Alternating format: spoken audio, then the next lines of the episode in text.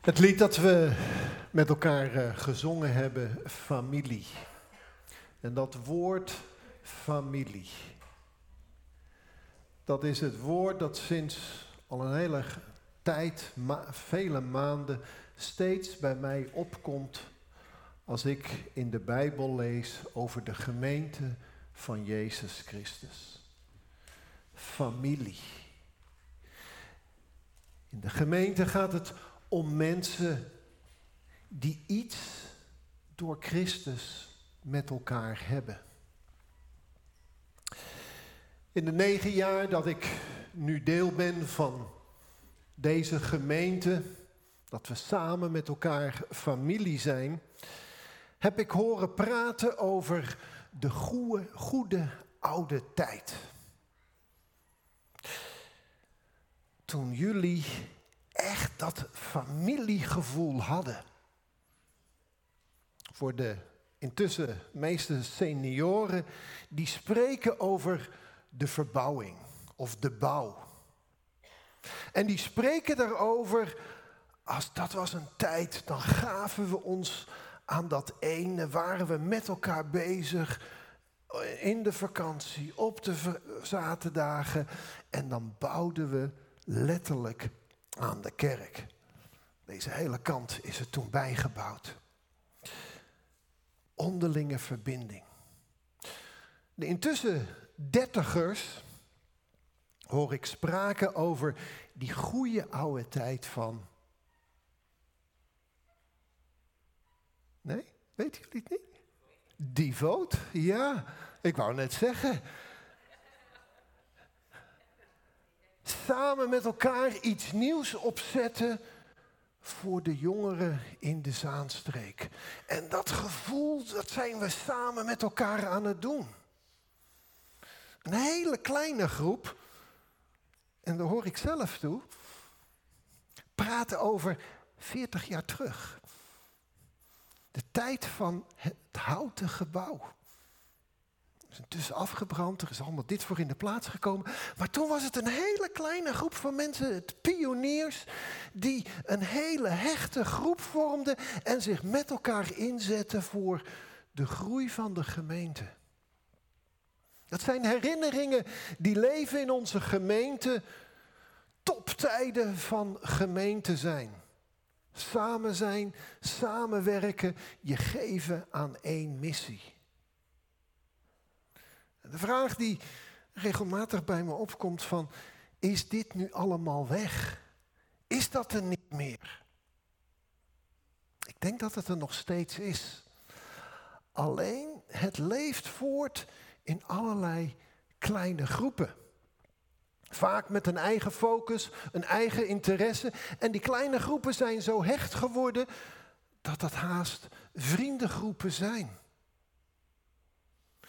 Maar wat bindt die verschillende groepen in de gemeente nu samen? Waar zetten we ons nu met elkaar voor in? Wat is onze missie? Wil mij vorige week eh, de gemeente geïllustreerd. En, ik dacht, Lucas, die, die zat zo hier naar te wijzen. Ik dacht, nou, Wilma gaat hem wel er eentje geven, maar uh, het, het, mocht, het mocht niet. nou, maar, maar dit, heeft ze voorgesteld, dit is de gemeente. Maar wat er gebeurt. Ups.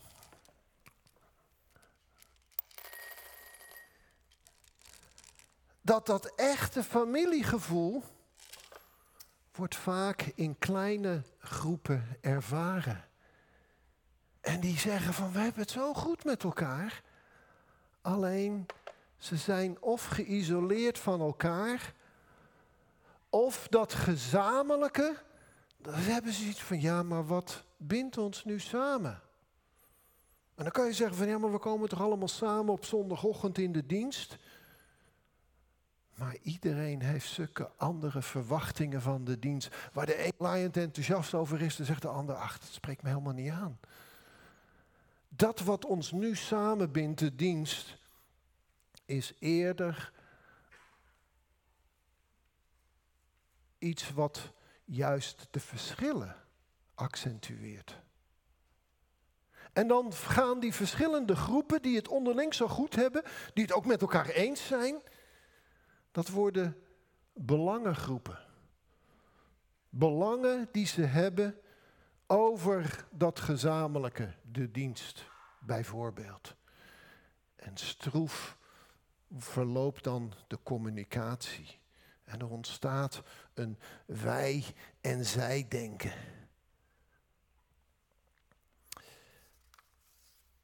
En daarin zijn we echt niet uniek.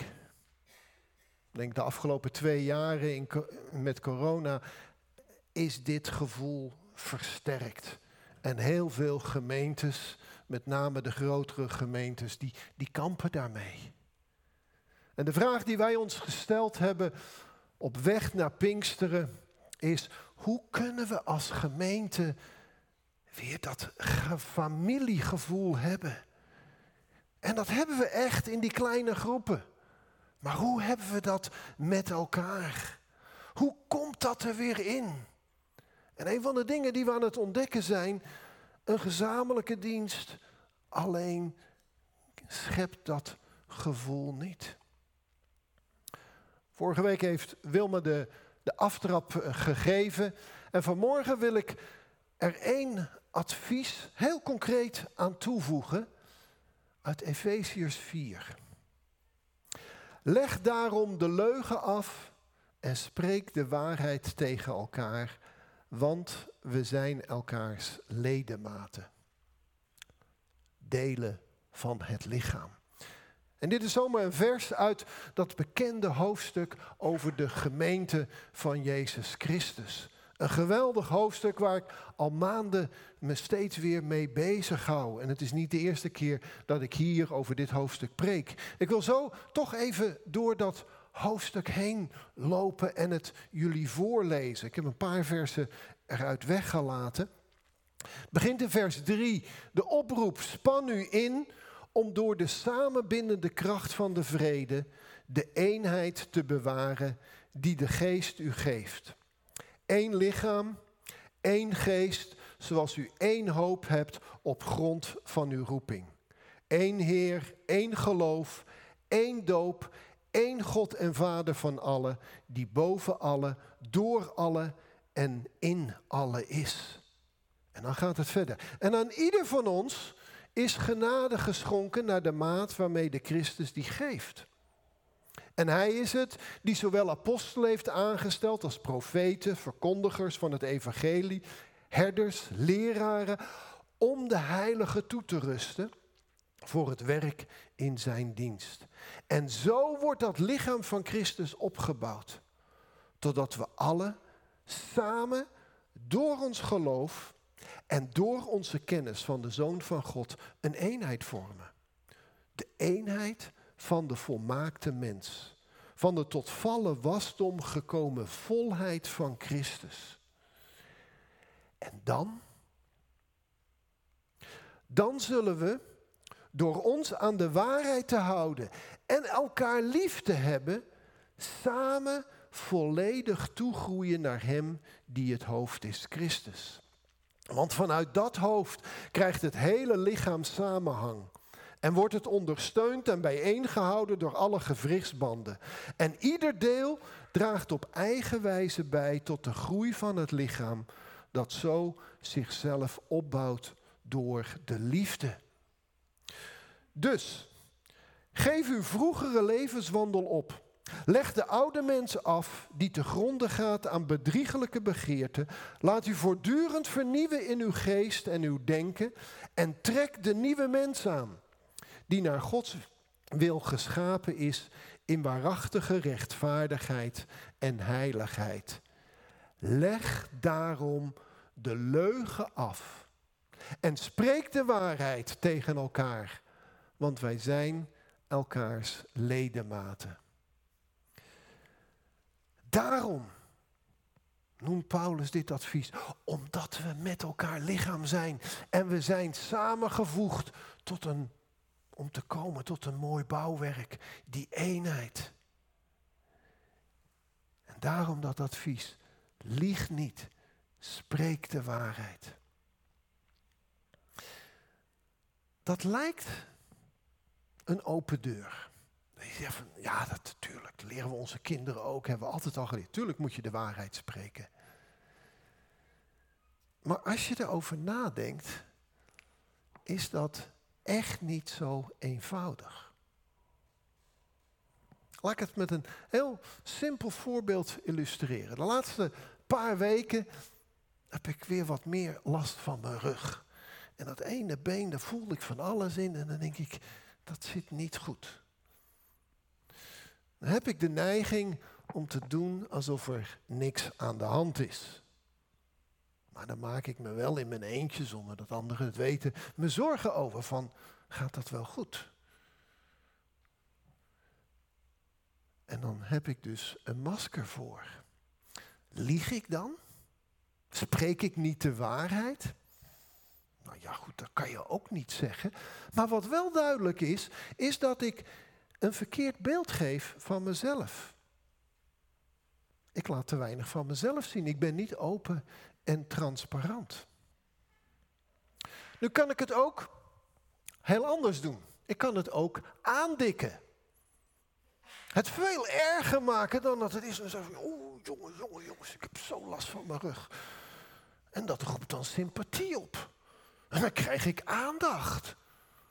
Nou, is toch leuk om die aandacht. Hoe gaat het wel, Antonie? En, uh, spreken we ook niet over liegen. Maar echt een eerlijk beeld geven, doe ik ook niet. Nou, het is maar een heel simpel voorbeeld. Maar dit is een tactiek. Die passen we allemaal toe. We doen het allemaal. Heb je problemen? Je ziet er zorgelijk uit. Wel, nee, valt allemaal wel mee. Uh, gaat echt wel goed met je? Ja, joh, fantastisch. Maak je. Nee, joh, komt goed.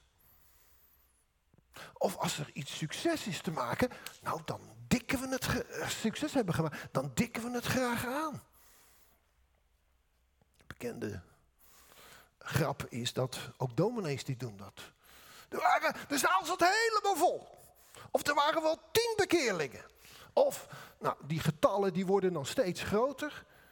Nou, dat is het enthousiasme. Maar geef je nou echt een heel eerlijk beeld?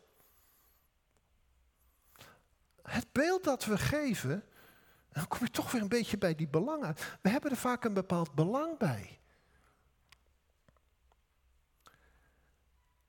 Voelen jullie aan hoe lastig het is om niet te liegen en om echt de waarheid te spreken?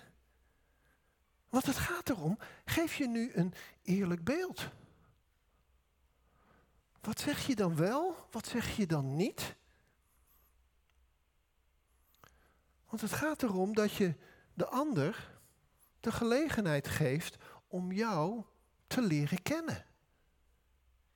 Te leren kennen zoals je werkelijk bent. Maar geef je die gelegenheid wel? Afgelopen woensdag was ik bij een landelijke bespreking van de Nationale Synode met vertegenwoordigers van allerlei andere kerkgenootschappen in Nederland. Nou, die, die, groep mensen had ik al sinds 2019 niet meer gezien. Of soms nog wel langer niet. Uh, en in zo'n gezelschap, als ze vragen hoe gaat het met je, ga ik echt niet over mijn rug beginnen. Dan heb zoiets van, dat is in zo'n groep niet belangrijk. En als ze dan vragen van hoe gaat het met je, dan zeg ik ja, ga goed. Of ik begin te praten over de kerk en de landelijke kerk. Dan denk ik van, dat willen ze weten. Maar al dat van die rug, als Wilma er naar vraagt, dan is het een grote zonde als ik dat wel verzwijg. Dan krijg ik dan ook wel te horen. dus het, het, het hangt er ook nog af met wie deel je het en met wie niet. En dat maakt het ook nog lastig. Moet ik het nu wel delen? Moet ik het nu niet delen? Maar kijk nou nog eens een keer naar dat advies wat Paulus ons geeft. Leg daarom de leugen af en spreek de waarheid tegen elkaar. Dan kan je zeggen, pam, uitroepteken. Maar hij zegt er nog iets aan, voegt er nog iets toe. Want, want wij zijn elkaars ledematen. Om het in mijn woorden te zeggen. Want we zijn familie. We horen bij elkaar. We zijn met elkaar verbonden. Dus de mensen in de gemeente, die ga je niet voor de gek houden. Als iemand zegt, hoe is het met je? Dan ga je niet zeggen, oh prima. Nee, die vraagt het om juist jou als broer of zus beter te leren kennen. Of omdat die ander echt bezorgd is. En dan ga je niet doen alsof het allemaal goed is. Terwijl het het niet is. Of dan ga je ook niet overdrijven om zodoende aandacht te krijgen. Want in de gemeente is die aandacht er. Omdat we met elkaar verbonden zijn. We zijn in elkaar geïnteresseerd. We zijn familie. En daarom heeft de ander in de gemeente recht op een eerlijk verhaal van me. Over hoe het met mij gaat. Nou, dat klinkt natuurlijk weer fantastisch. Ja, zo zou het moeten zijn. Zo zou het moeten zijn. Maar waarom is het nou zo moeilijk? Want dat ervaren we allemaal. Omdat we elkaar onvoldoende kennen. Zo simpel ligt het. Omdat we te weinig verbinding met elkaar hebben. Misschien wel in die kleine groepen en daar voelt het allemaal wel veilig. Maar als M&M'tje met die M&M'tje. Uh, nee, ik, uh, ik hou het maar bij mezelf. Laat staan in de grote pot. Het voelt niet veilig. Ik ga toch niet zomaar iets van mezelf verdelen? Dat gaat hen helemaal niks aan. Nou, hoor eens even.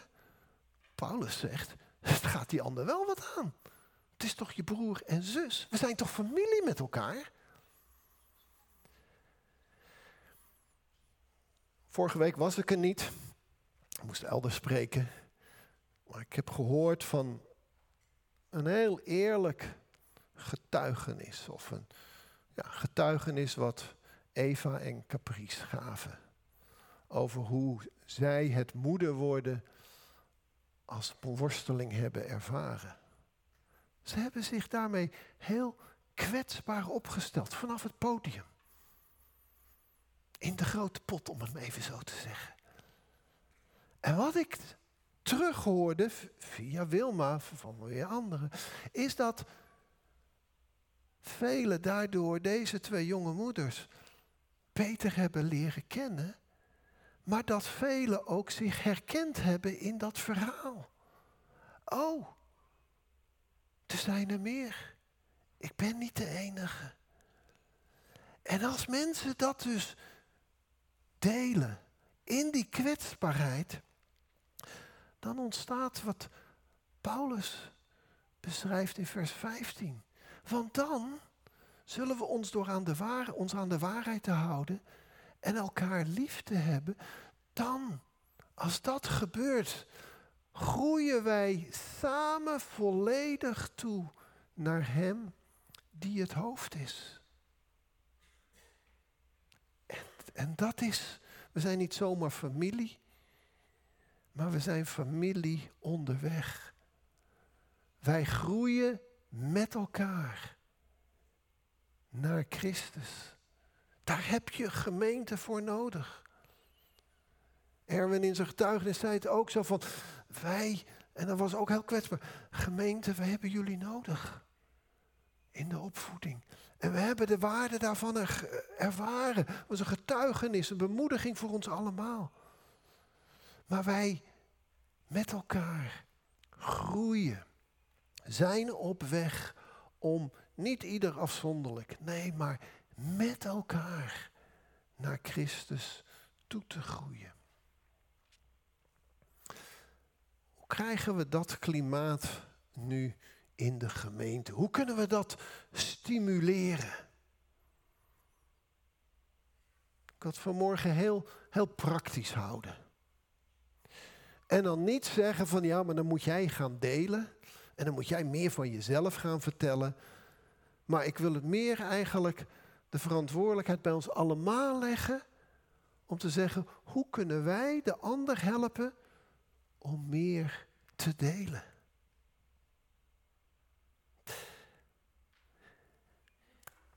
Ik ga geen gekke dingen doen, maar ik wil jullie toch vragen te gaan staan. Gaan we eens even staan. En kijk eens om je heen. Je mag je omdraaien, dat is wat makkelijker als je staat. Kijk eens om je heen. En misschien kom je hier al heel lang in de gemeente. Misschien kort, misschien ben je er vandaag voor het eerst. Maar kijk eens om je heen. En al deze mensen, ook als je hier voor het eerst bent, dan komt uit een andere gemeente. Dit zijn je broers en zussen in Christus. Wij zijn familie met van elkaar. En als je ergens anders die wat oudere man ziet, dan is dat je oom in Christus. En we horen ook een hond. Die hoort er ook bij. Dat is ook geschapen. Die denkt ook van, ik, ik, ik mag het er ook zijn. Natuurlijk. Ah, geweldig. En zie je die, die vrouw? Dat is je zus in Christus. Of die ene jonge man van jouw leeftijd en zegt van hé, hey, wij zijn broers in Christus. Dit is onze geestelijke familie. Jullie mogen gaan zitten. En die familie, die kies je niet zelf uit. Dat weten we allemaal met familie. Die wordt je gegeven. Of je het nou leuk vindt of niet. Die wordt je gegeven. Kijken we zo naar elkaar? Kijken we zo naar elkaar? Dat die, die ene die me soms mateloos irriteert. Of die zo heel totaal anders denkt dan ik. En waar we het nooit met elkaar eens zijn. Ik ga tegen die zeggen van, en toch zijn we broers. En toch ben jij mijn zus. In Christus. En we laten elkaar niet los. Want daarvoor zijn we familie. Toch? Dus stap 1. Zie de ander in de gemeente als broer of zus, als familie. De volgende stap is voor de meeste van ons lastig. En dat betekent, stap dan eens op je broer of zus af en zeg, hallo zus, hoe gaat het er nu mee? Nou, het zou op zich een goede code kunnen zijn als iemand zo op je afkomt. Maar weet je, oké, die heeft goed naar de preek geluisterd. En die, hè, dat is een bepaalde, bepaalde code die we hebben. Zo, oh, dus die wil iets. Nou, dan moet je nog steeds de, de lef hebben om dat te doen. En dan niet naar degene die je toch al goed kent. Maar toon de interesse in de ander. Maar hoe doe je dat? Daar hebben mensen van, ja, maar waar moet ik het dan over hebben? Vragen. Je moet gewoon goede vragen bedenken. Wat ga je die ander vragen? Maar om te kunnen vragen, moet je eerst goed luisteren. Naar dat wat de ander zegt, of misschien signalen die zijn uitgezonden. Dus voordat je naar die ander kunt toestappen, is er eerst een tussenstapje nodig. En dat is wees opmerkzaam. Luister. Kijk goed. Pik signalen op. En er zijn mensen die, die hebben echt die gaven. Die, die zien iets in die ander. En die ander heeft het nog geen eens door. Maar die, die pikken dat op. Heel concreet. Hoor je dat iemand ziek is? Reageer. Laat wat van je horen. Want daarmee voelen we aan van hé, hey, die ander is geïnteresseerd. Hij of zij meent het. En dat helpt om ons te openen naar de ander. De stappen 2 en 3 is stap 2, wees opmerkzaam, luister goed. En 3 is Stap dan af op die ander. Stel een vraag. En dan stap 4 is ook een hele belangrijke waar het fout, vaak fout gaat. Dat wat die ander met jou deelt. Koester dat als iets kostbaars dat jou wordt toevertrouwd. En dat kostbare, net zoals een kostbaar geschenk, dat hou je voor jezelf. Ga het niet rondbazuinen. Ik heb laatst met die gesproken en. En zo wordt er heel veel informatie vaak doorgegeven aan elkaar. Waar je zegt van, zou eigenlijk niet moeten. En als mensen dat merken, dan voelt het niet meer veilig. En dan zeggen, ja, pas wel beter uit. Ik ga dat echt niet zeggen. Want voor je het weet, dan weet de helft van de gemeente het. En soms nog goed bedoeld ook. Maar dan voelt het niet meer veilig. Dus hou het voor jezelf. En laat daarmee zien dat je betrouwbaar bent. Dat je te vertrouwen bent. Dat je veilig bent. En de laatste. Op, de laatste stap. Laat het niet bij die ene keer. Zeg niet van. Ik heb het gedaan. Nou, check. Kan ik weer even een maandje zonder.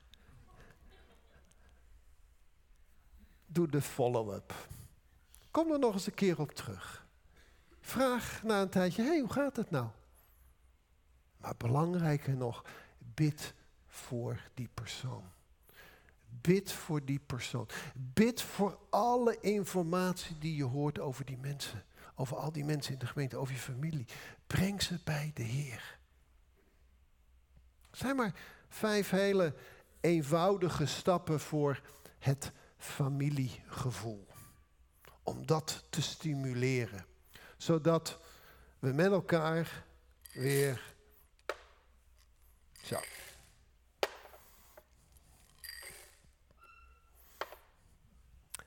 Dat we één zijn. En dat we de eenheid met elkaar ervaren. Nou, het kon niet beter voor deze zondag. Straks na de dienst hebben we een maaltijd met elkaar. Nou, geweldige gelegenheid om te zeggen: hey broer, hoe gaat het nou met je? Nou, er is nog een. Uh, daar ga ik niet op in, maar ik wil hem wel benoemen. Nog een, een, een lastigere variant. Want misschien denk je van, dit is al lastig. Maar er is nog een veel lastigere variant van het niet liegen en de waarheid spreken. Hoe doe je dat als je het niet met de ander eens bent? Of als je kritiek hebt? Of als je boos bent op de ander? Hoe kunnen we de waarheid in liefde aan elkaar vertellen? Zodat we niet doen daarin nee, nee, dat is allemaal prima. Nee, dan zijn we ook niet eerlijk. Dus ook daarin moeten we eerlijk met elkaar omgaan. Maar dat is eigenlijk stap twee of een hele veel complexere uitdaging.